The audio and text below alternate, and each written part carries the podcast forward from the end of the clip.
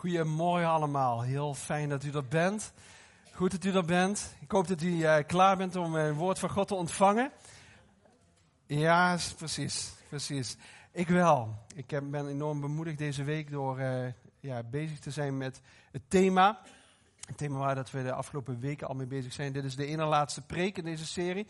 En ik ben uh, heel dankbaar en heel blij met alle geluiden die ik uh, hoor over de serie. Dat mensen echt bemoedigt, verder helpt en uh, leert te herkennen wie ze zijn in Jezus. Um, en het doet erg goed om die dingen, om die geluiden terug te horen. En ook vandaag, ik denk dat ik opnieuw een bemoedigend woord van God heb mogen ontvangen. En dat ga ik zo met u delen. Misschien, toen ik binnenkwam, heeft u deze kaarten zien liggen. We hebben ze op de eerste zondag van het nieuwe jaar hebben we ze geïntroduceerd. En op deze kaarten daar staat samen danken en bidden. En we vinden het belangrijk om als kerk voor uw situatie of de situatie waarin jij als gezin of als echtpaar of als individu verkeert, om daarvoor te bidden. Maar ook dankbaar te zijn voor datgene waar dat je doorheen gaat. En op die kaart, er staat een, daar staat een achterkant op en daar staat gebedspunten staan daarop en dankpunten. En als u nu de volgende keer naar de samenkomst komt, hier naar de kerk komt, en u denkt van nou er is echt iets in mijn leven wat op dit moment speelt en waar dat ik gebed voor wil hebben, dan wil ik u vragen om dat in te vullen. En u kunt dat ter plekke afgeven aan de infobalie, of u kunt dat aan Maarten, die stond net aan het begin van deze dienst, stond hij hiervoor. Dan kunt u die kaart aan ons afgeven. En we gaan kijken of we ook bepaalde uh, uh, gebedspunten al meteen op zondag kunnen doorbidden met elkaar. Zodat we als gemeente eenparig voor, voor een bepaald punt kunnen bidden. Maar wat we sowieso gaan doen, is dat we de kaarten die op zondag zijn ingevuld, die gaan naar de maandagavond bidstondgroep. En die maandagavond samen bidden is een hele krachtige groep. Daar wordt gebeden voor verschillende facetten van onze kerk en ons kerkleven. En ik heb hun gevraagd, zouden jullie bereid zijn om voor deze onderwerpen te gaan bidden? En dat willen ze heel graag doen. Ze willen dienstbaar zijn aan de gemeente en dienstbaar ook aan u. En ze willen daar heel graag voor bidden. Dus als u zegt van nou, er is iets waar, ja, dat, dat is zo belangrijk dat ik daar gebed voor krijg. Vul zo'n kaart in, lever hem in en dan gaan we daar mee aan de slag. Oké? Dus als u binnenkomt naast de infobalie, daar kunt u deze kaarten vinden. Goed. Um, Afgelopen vrijdag hebben we als kernteam ook een hele mooie vrijdag uh, beleefd. We zijn een beetje aan het einde van de middag waren we uitgenodigd door het Helpcenter. En hebben we een rondleiding gekregen door uh, eigenlijk alles wat er, uh, wat er gebeurt in het Helpcenter. Ehm, we zijn zelfs in de vrieskisten geweest. Um, we hebben gezien hoe dat 40, 45 pakketten allemaal klaar werden gezet. We hebben gezien dat er gezinnen stonden te wachten en te praten en, en, en, en in contact kwamen met allemaal mensen die uh, vrijwilliger zijn bij het helpcenter. We zijn naar het terrein in Put geweest, waar dat de hersteltuin gaat komen. Een enorm terrein. Uh, je, je ziet nog niks, het is alleen maar grasweiland, een voetbalveld en een hoop onkruid. Maar uiteindelijk moet daar een prachtige tuin gaan verrijzen. We zijn naar een andere locatie geweest, dat is hier in het centrum van Schinnen. Ja, u zult zich afvragen, is er een centrum in Schinnen? Ja, er is een centrum in Schinnen. En ja, je moet wel op de rem trappen, anders rij je er zo weer uit. Maar, maar, ja, Schinnen is nu mijn dorp, hè. Dat, uh, Schinnen is nu mijn dorp. Maar in, uh, in dat centrum, vlak bij de basisschool, daar is een daar komt een ontmoetingsplek waar dat we met uh, alle kleding naartoe kunnen gaan. Um, en waar mensen ook ja, zo lekker binnen kunnen lopen. Er ligt de hoeskamer van eh, de gemeente Schinnen. En er is een hele laagdrempelige manier om in contact te komen met mensen. En waarin dat we echt zichtbaar kunnen worden als kerk. En nou, we zijn door een aantal hele bevlogen mensen zijn we daarin rondgeleid. En het was geweldig om te zien. En ik denk dat we als kerk ontzettend dankbaar mogen zijn voor wat er allemaal gebeurt. Dus Helpcenter, jongens, petje af. Heel goed, heel goed werk wat jullie doen. Ja, dat mag gezegd worden. En uh, soms besef je niet hoe rijk dat je bent, tot het moment dat je er eventjes uit bent en dan weer even inkomt en dan denk je, boah, wat is dat fantastisch. En uh, nou ja, goed. Wij gaan, uh, wij gaan met uh, deze serie verder. Vorige keer vertelde ik dat de Heer Jezus toen hij aan zijn bediening begon, dat hij begon met de volgende tekst te zeggen. Vanaf dat moment begon Jezus zijn verkondiging. Kom tot inkeer, zei hij, want het koninkrijk van de hemel is nabij. En dan vertelde ik dat er twee elementen zitten aan dat koninkrijk. Het eerste element is het meest wezenlijke, het meest belangrijke element van het koninkrijk van God te kunnen ontvangen. En dat is tot inkeer komen, tot bekering komen. Wat we net zagen in die doopdienst, waarin dat je je hart, je leven keert naar de Heer Jezus toe en dat je zegt van ik wil niet meer voor mezelf leven, maar ik wil een leven met Jezus beginnen, is het allerbelangrijkste moment. En als jij nog twijfelt om te dopen of je te laten dopen, dan zou ik zeggen geef je op, doe dat zo snel mogelijk, want we willen graag jou daarin helpen om een bekering, om een stap te zetten naar Jezus.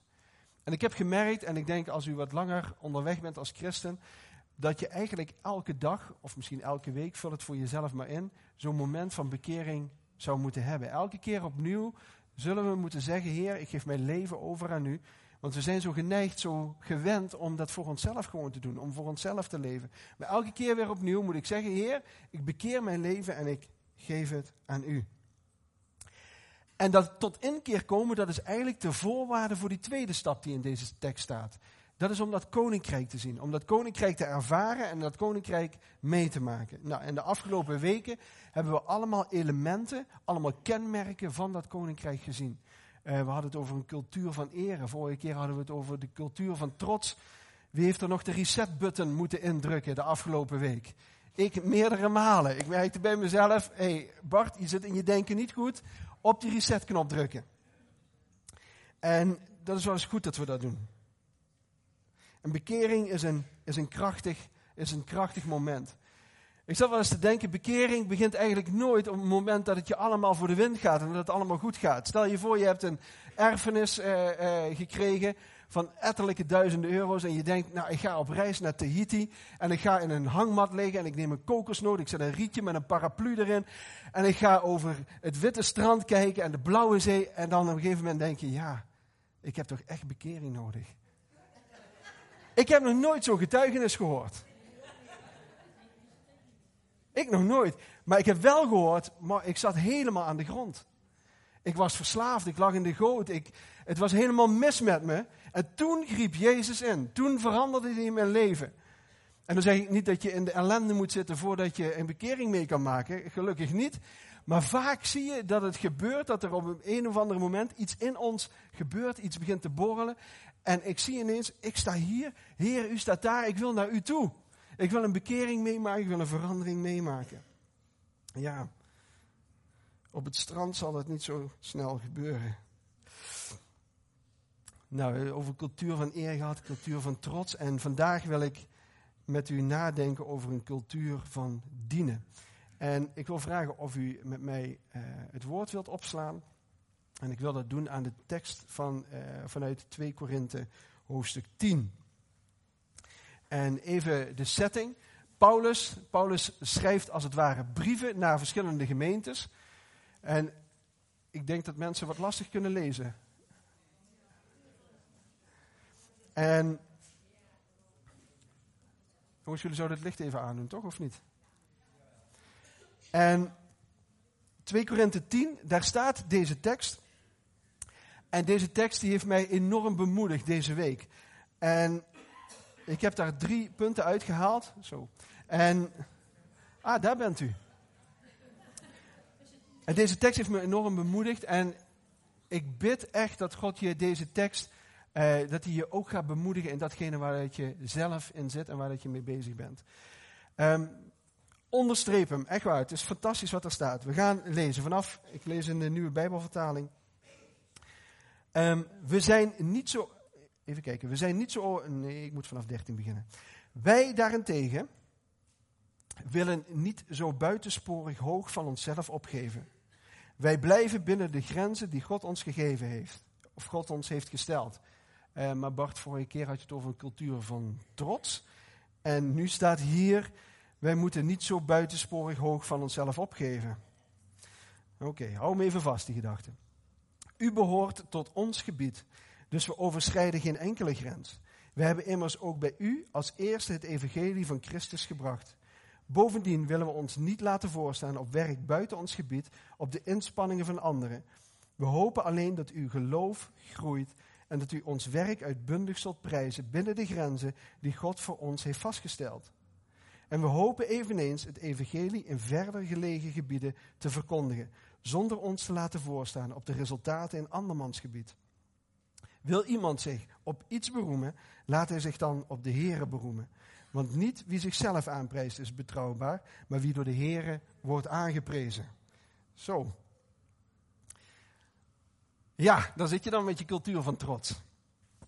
Maar ik zal daar haarfijn doorheen gaan. Paulus, het is goed om te weten wie Paulus eigenlijk is. En dan mag je de volgende tekst even laten zien. Paulus die introduceert zichzelf meerdere malen in het Nieuwe Testament. Hij heeft driekwart van het Nieuwe Testament geschreven. Hij weet wel wat, zal ik maar zeggen. Hij heeft een enorm leven achter de rug.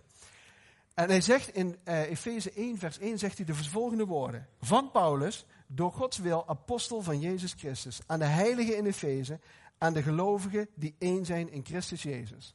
Als eerste, Paulus introduceert zichzelf. Hij zegt, ik ben Paulus. Ik ben Bart. Ik ben Tessa. Ik ben Nico. Ik ben Marley. Vul je eigen naam maar in. Paulus. Ik ben Paulus.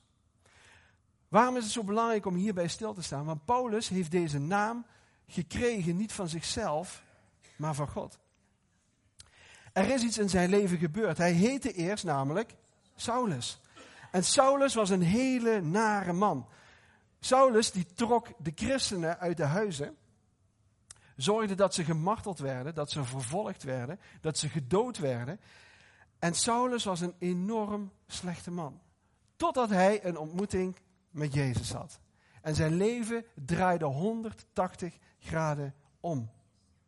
In de ellende kwam Jezus hem tegemoet en zijn naam werd veranderd van Saulus naar Paulus. En voor jou geldt precies datzelfde moment. Ook jij hebt ergens een moment gehad waarin dat je Jezus bent tegengekomen en dat je als het ware een nieuwe naam hebt gekregen en een nieuwe identiteit, want je naam zegt alles over wie dat jij bent. Het tweede, wat in deze tekst staat, door Gods wil apostel van Christus Jezus. Hij krijgt een mandaat. Er wordt hem iets overgedragen. Er wordt tegen hem gezegd: Jij wordt een apostel van wie? Van Jezus. Hij krijgt ineens autoriteit. Hij krijgt ineens gezag. Hij krijgt ineens bediening. En ook voor jou geldt dat precies hetzelfde. En daarna kreeg Paulus een gebied toegewezen. Aan de heiligen in Efeze. Aan de gelovigen die één zijn in Christus Jezus. Al deze drie elementen is ontzettend bijzonder. Want alle drie zijn mogelijk alleen maar door een ontmoeting met Jezus. Paulus had deze momenten allemaal niet kunnen hebben als hij Jezus niet had ontmoet.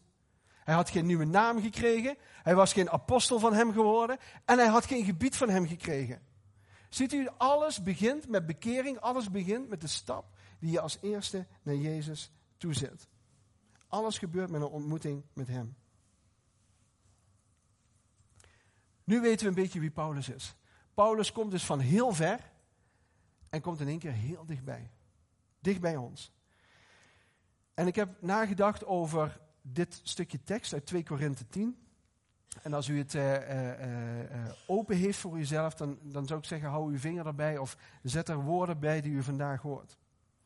Want ik wil drie woorden uit, deze, uit dit tekstgedeelte wil ik centraal stellen. Drie punten die gaan over dit gedeelte.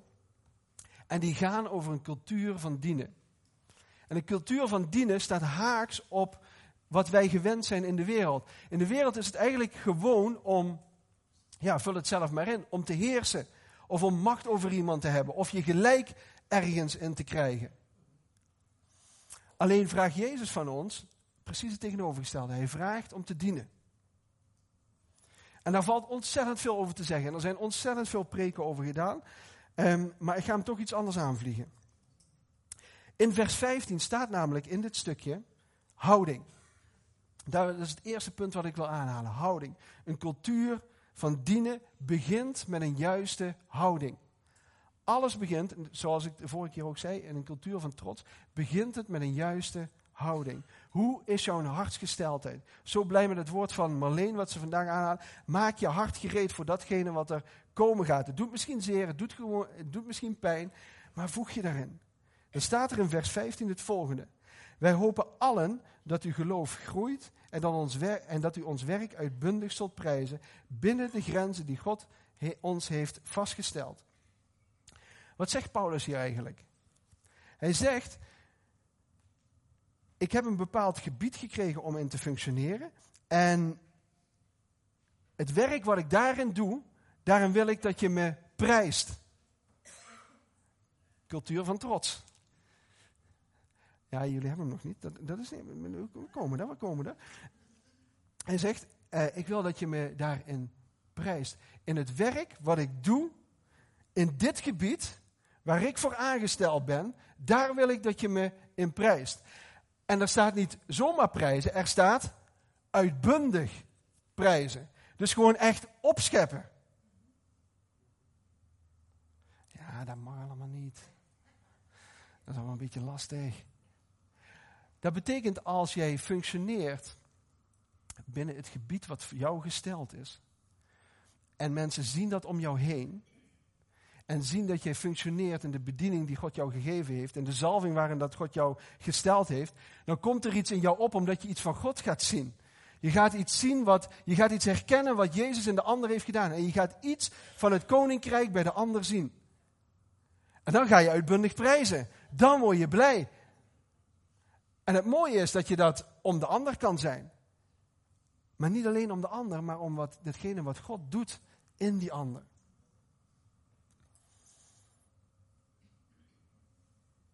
Het gaat om wat in die laatste tekst staat, vers 18, maar wie door de Heer wordt aangeprezen. Ik heb hier opgeschreven, je doet het voor het applaus van die ene. Met hoofdletter E. En ik heb een paar dingen over houding opgeschreven, omdat ik het belangrijk vind om dat te benadrukken. In je houding is het belangrijk om voor jezelf af te vragen: doe ik het als een taak of als een bediening? We hebben dat in het dienstenteam al meerdere malen besproken. Als je hier op het podium staat, als je een taak hebt in de gemeente um, of in jouw dagelijks leven, het opvoeden van jouw kinderen, zie je het als je taak of zie je het als je bediening? Is dit je leven of is dit je zondag? Snap je een beetje het verschil? Is dit je leven of is dit je zondag? Kom je op zondag naar de kerk en ga je op dinsdag misschien naar een groep toe en tussendoor lees je nog iets in de Bijbel? Of kleurt het jouw hele leven? Voor een buitenstaander is het zo, ja, je gaat op zondag naar de kerk, of je doet dit, of je doet dat. Maar eigenlijk alles wat we doen wordt altijd gekleurd door wat er van binnen in jou is. Wat je zichtbaar maakt, wat je laat zien. En ik geloof dat Jezus jou roept voor een bediening. Ik geloof niet dat hij je roept voor een taak, ik geloof dat hij je roept voor een bediening. In Johannes 12, vers 2 en 25, daar staat: Wie zijn leven veilig wil stellen, zal het verliezen. Maar wie het in deze wereld wil prijsgeven, zal het behouden en eeuwig leven. Als ik denk dat het mijn leven is, dan, dan omvat het alles waar dat ik mee bezig ben. Alles wat ik, wat ik doe, mijn financiën, mijn tijd, mijn aandacht, mijn gezin, alles gaat daar naartoe. Ja, dat is wel een beetje veel van het goede. Maar dat zegt wel iets over je houding. Een ander aspect van je houding om te dienen. Um, dienen en nederig doen zijn niet dezelfde dingen. Dienen en nederig doen zijn niet dezelfde dingen. Het bijzondere is dat in het Nieuwe Testament dat er sprake was in die tijd van slavernij, van slaven. En het is eigenlijk tegen cultuur gericht dat slaven waarde kregen. Alleen Paulus die sprak over dat er, er was geen man of vrouw, er is geen Griek of Jood, er is geen slaaf, er is geen vrije. Met andere woorden, er is niemand meer of minder. Een slaaf kreeg eigenlijk alle gelegenheid, alle vrijheid van Paulus om te dienen. En het frappante is dat, dat wij denken altijd, ja, als je maar heel nederig doet, als je maar heel klein van jezelf denkt, dan doe ik het goed, want dan maak ik mezelf heel erg klein.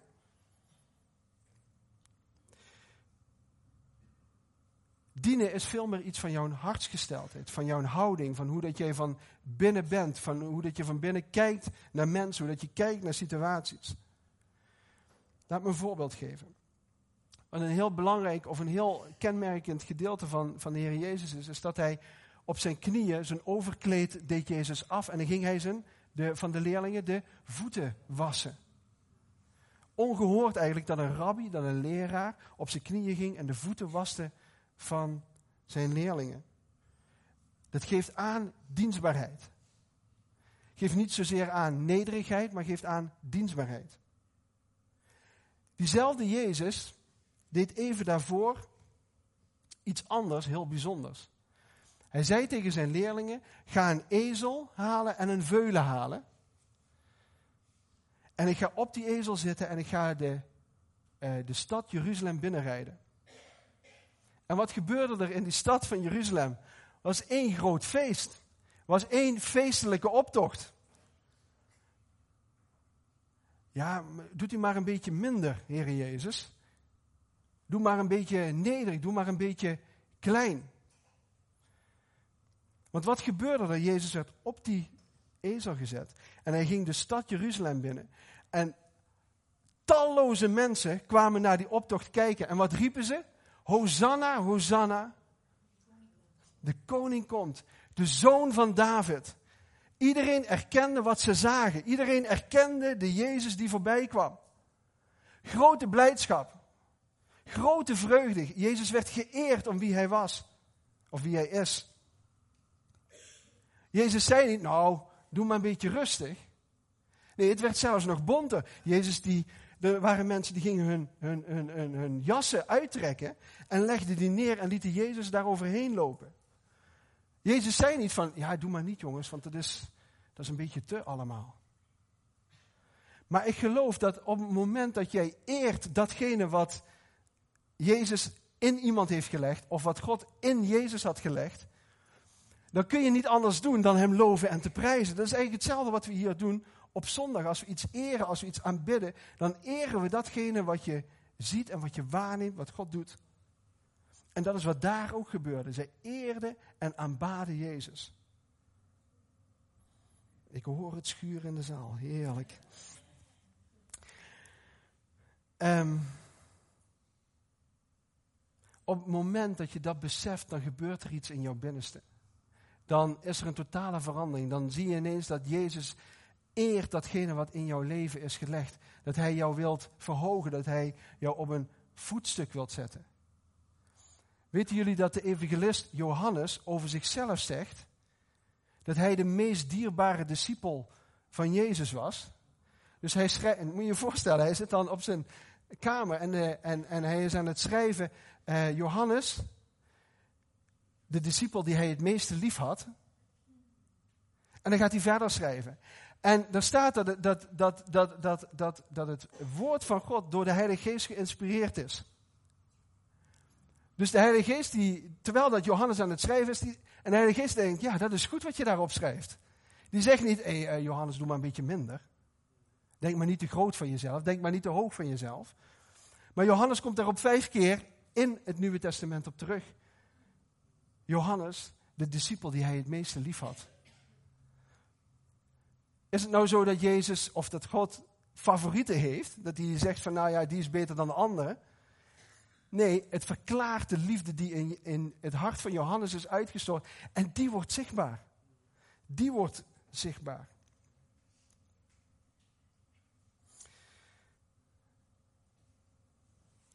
Een cultuur van dienen. Ik heb nog een ander kenmerk over houding opgeschreven. Ervaar je het als een last of als een vreugde? Geniet alsjeblieft van datgene wat je mag doen voor God. Geniet van je leven. Geniet van de dingen die je meemaakt samen met Hem. En ik weet dat je misschien soms door hele moeilijke tijden heen gaat en moeilijke dingen meemaakt. Maar alsjeblieft, geniet ervan. Maak plezier, heb lol. Eh, eh, eh, hou van de natuur. Eh, geniet van je kinderen. Ehm, geniet alsjeblieft van het leven wat je met God hebt gekregen. Geniet van je vrouw. Geniet van je man. Geniet van alles wat er om je heen gegeven is. En zit niet in zakken als en denk, ja Heer, het is een last dat ik u moet dienen. Nee, geniet alsjeblieft. Het leven is toch veel te kostbaar om, om te zeggen, ja, oh, dat, dat wil ik niet. En dat zou de houding, dat, ik zou willen dat dat de houding is die we, die we om ons heen mogen uitstralen. Dat als mensen binnenkomen, poh, er is echt plezier hier in die tent. Ja, er is echt plezier hier in die tent. Omdat God goede dingen in je doet. Geniet van je werk, geniet van je collega's. Ja, maar ken je mijn collega? Oh. Geniet ervan, man. Ik weet dat er iemand uh, uh, nu heel hard begint te lachen, maar dus, er is iemand die zei uh, altijd, we hebben allemaal wat, we zijn allemaal raar en toch zijn we broertjes en zusjes. En als er dan iemand iets eigenlijk deed, dan ging die persoon dan tegen mij zingen. We hebben allemaal wat, we zijn allemaal raar. En dan dacht ik, oh ja. Maar geniet alsjeblieft, geniet van, van kerk, geniet van gebouw, van, geniet van de dingen die God je geeft. Geniet straks van je stuk vlaai, geniet van je... Oh. Ja, dat mag allemaal niet. Nou, er staat in Prediker 3, vers 22 het volgende. Daarom, zo heb ik vastgesteld, Prediker, de, de, de, de, de, de filosoof Salomo, zal ik maar zeggen, die begint na te denken over het leven. Alles is tijdelijk en er is een tijd voor dit en een tijd voor dat. En dan maakt hij een conclusie van Prediker 3. Hij sluit Prediker 3 af. En dan zegt hij, nou ja, dan zou je zeggen de meest belangrijke woorden, dat vind ik wel. Daarom, zo heb ik vastgesteld, is het maar het beste voor een mens dat hij, met dat hij vreugde put uit alles wat hij onderneemt. Vreugde put uit alles wat je onderneemt. En in Efeze 60 staat het volgende. Doe uw werk met plezier alsof het voor de Here is en niet voor mensen. En Colossense 3 vers 22 tot 25. Wat u ook doet, doe het van harte. Doe het met plezier. Oké, dat was punt 1. De andere die gaan wat sneller. het eerste is dus een houding. Als je een cultuur van dienen wilt nastreven, als jij wilt dienen in de kerk, als jij wilt dienen in jouw gezin, als je wilt dienen op jouw werk, basic is houding, houding, houding, houding. Hoe zit jouw houding erin? Het tweede is gebied. En dat is een hele mooie in dit stuk. Paulus die zegt namelijk, er is mij een gebied gegeven. Er is een gebied van iemand anders. Pak de tekst maar nog maar even terug. Er is een gebied van mij waar ik in mag functioneren. En er is een gebied van iemand anders waar dat de ander in functioneert. Hij zegt heel duidelijk, er is een gebied waar dat ik in mag functioneren. En er is een gebied waarin de ander mag functioneren. Hetzelfde met Apollos en Paulus. Weet je wel, de een heeft begoten, de ander heeft geplant. Er is een verschil in datgene wat jou als gebied is toegewezen. En ook voor uzelf geldt dat u een gebied heeft gekregen van God. Dat God een gebied voor u ziet waar dat u invloed heeft. Waar dat u van betekenis mag zijn. Waar dat u een verschil mag maken. Dat gebied is aan u gegeven. En dat gebied is aan jou gegeven, maar is ook aan jouw buurman of aan jouw buurvrouw gegeven. Ook die heeft een gebied gekregen. En op het moment dat jij in het gebied van iemand anders stapt, daarvan zegt Paulus, daar moet je niet over opscheppen. Want dan heb je iets van iemand anders gestolen, wat zijn zegen hoort te zijn, waar zij, hij hoort te bedienen, waar dat hij hoort te zijn. Dit is jouw gebied. En als jij daarin functioneert, als dat het gebied is waar dat jij in mag zijn, waarin dat jij mag leven, waarin dat jij mag dienen, dan mag je trots zijn op jezelf. Dan mag je zeggen, Heer, wat geweldig dat u mij zegt, wat geweldig dat u mij vooruit helpt, wat geweldig dat het werk wat... En dat is wat Paulus bedoelt, dan mag er uitbundig over jou geprezen worden. Dus straks komen er honderden mensen naar me toe en zeggen, Bart, geweldig die preek. En als je koffiebar rijdt of als je muziek speelt of als je... Als jij bent in het gebied waarin dat jij functioneert, dan zie je dat er zalving komt, dat je beweegt, dat, je, dat, dat er dingen in jouw leven en in jouw omgeving gaan gebeuren. Een goede graadmeter is, als er niks gebeurt om jou heen, dan ben je misschien niet in het gebied bezig waar dat je voor bedoeld bent. Dan moet je goed nadenken, hoor ik in het gebied waar dat ik voor bedoeld ben. En soms is dat lastig, want als ik naar mijn buurman kijk, dan denk ik van, dat is toch wel gaaf wat hij aan het doen is. Dat is toch wel mooi wat hij aan het doen is. En dan komt er iets van, van jaloezie of van, van nou misschien nog niet eens jaloezie, maar dat je denkt van, oh, dat, dat zou ik eigenlijk ook willen. Ik noem dat een beetje gehaktballengeloof. En dat zal ik uitleggen. Ik ben opgegroeid in een gezin met eh, vier kinderen. En op woensdag is gehaktdag. En dan maakte mijn moeder gehaktballen. Zelf. Draaien. In de braadpan. Het hele huis ruikt er dan naar. En dan wordt de tafel gedekt. En dan staat alles op tafel. En u moet zich voorstellen, er zijn drie jongens en één meisje en, en, en vader. Die braadpan die gaat open. En vier koppen, mijn zusje natuurlijk niet, vier koppen duiken boven die braadpan met die gehaktballen. Welke is de grootste? We zitten in aanslag met de vork. En als mijn vader amen heeft gezet, wammes! En dan pak je de grootste gehaktbal die er is en die eigen je jezelf toe en dan zeg je, dat is mijn gehaktbal. het was elke keer de sport wie dat de grootste gehaktbal... Of was dat alleen in ons gezin? Dat kan natuurlijk ook.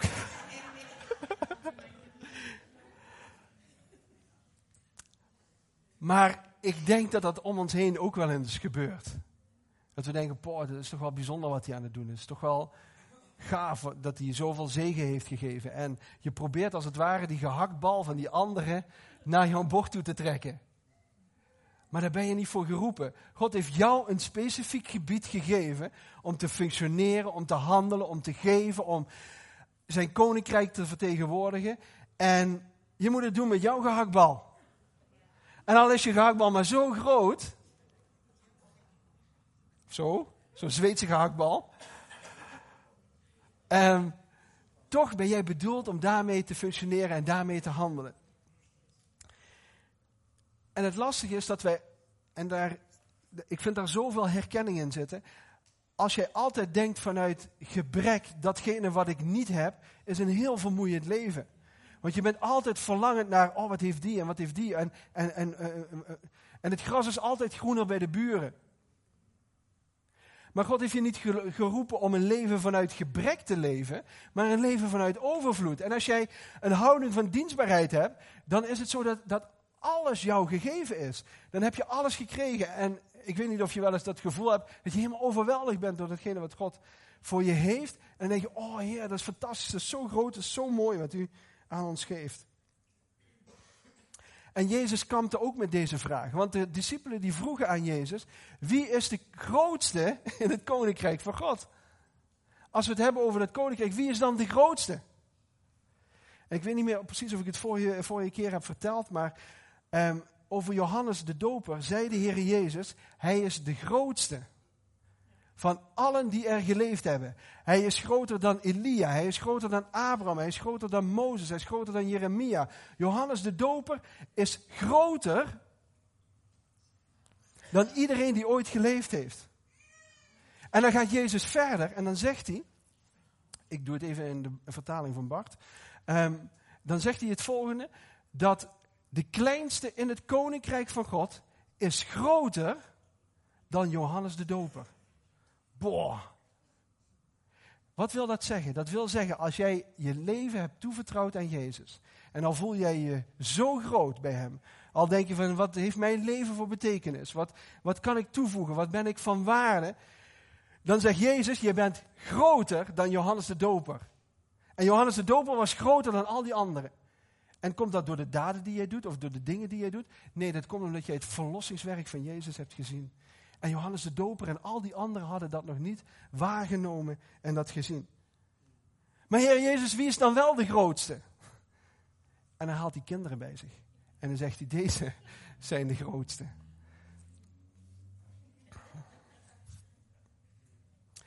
Maar Paulus krijgt een gebied om te dienen. Hij krijgt een gebied om te functioneren. Hij krijgt een gebied om zijn dingen te doen waar dat hij voor geroepen is. En dat geldt voor ons als kerk ook. Wij hebben ook een gebied toegewezen gekregen om te functioneren en te handelen. En als wij zo'n tuin bijvoorbeeld in Put gaan beginnen, of als we in het centrum van Schinnen gaan beginnen, ziet u wat God aan het doen is? Hij is het gebied aan het vergroten. Hij is het groter aan het maken. Hij zegt, ik ga jullie meer toevertrouwen. Ik ga jullie meer geven. Als we naar Sittard toe gaan met z'n allen, wat doet hij dan? Hij gaat het gebied, onze invloed gaat hij vergroten. Gaat hij vermeerderen. En dat is mijn brugje naar het derde woord. Een cultuur van dienen komt ook met een verlangen. Hij zegt namelijk in vers 16, en we hopen eveneens het evangelie in verder gelegen gebieden te verkondigen. Dus God heeft hem een gebied gegeven, maar er is een verlangen in Paulus om dat gebied nog verder te vergroten. En ook dat kun je op verschillende niveaus zien. God heeft het verlangen om zijn koninkrijk wereldwijd te vergroten, groter te maken. God heeft het verlangen om het gebied van deze kerk groter te maken en te verspreiden. En God heeft ook een verlangen voor jou, en ik hoop dat jij dat verlangen ook hebt, om het gebied wat jij nu hebt gekregen, om dat te vergroten en uit te breiden. Dus hij houdt het niet bij dit, hij, gaat, hij wil het graag verder met je.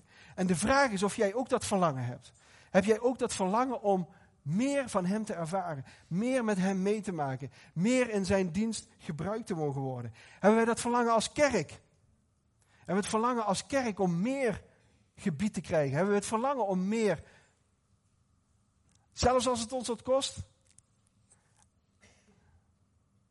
Paulus had het verlangen. Paulus had het verlangen en de hoop dat dat gebied voor hem zou vergroot worden.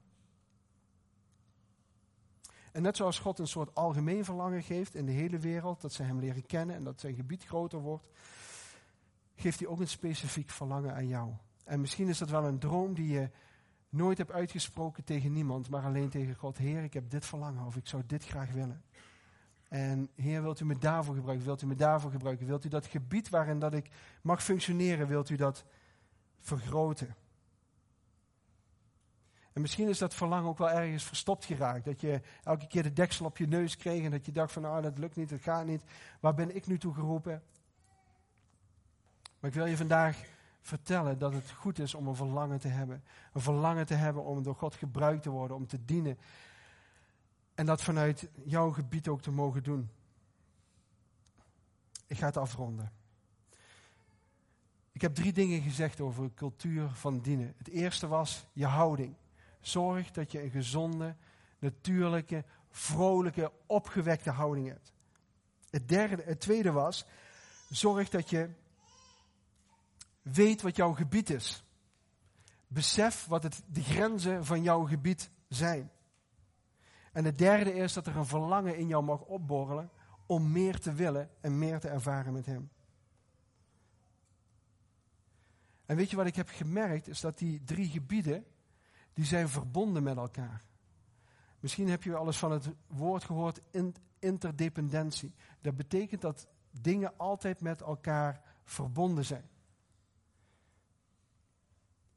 Het is, je kunt niet één uitschakelen of de een iets minder doen en het ander nalaten. Het is een beetje zoals de kleurentelevisie.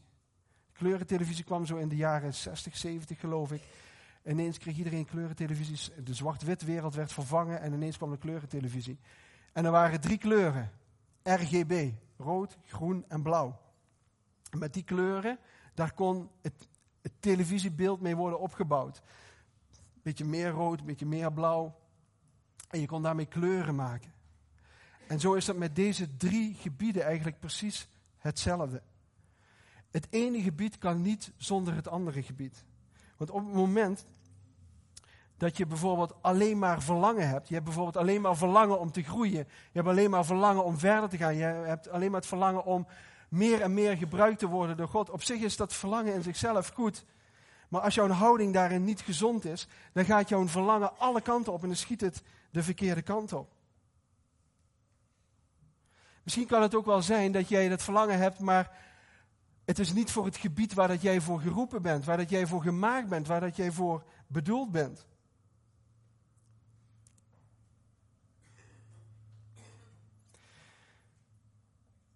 En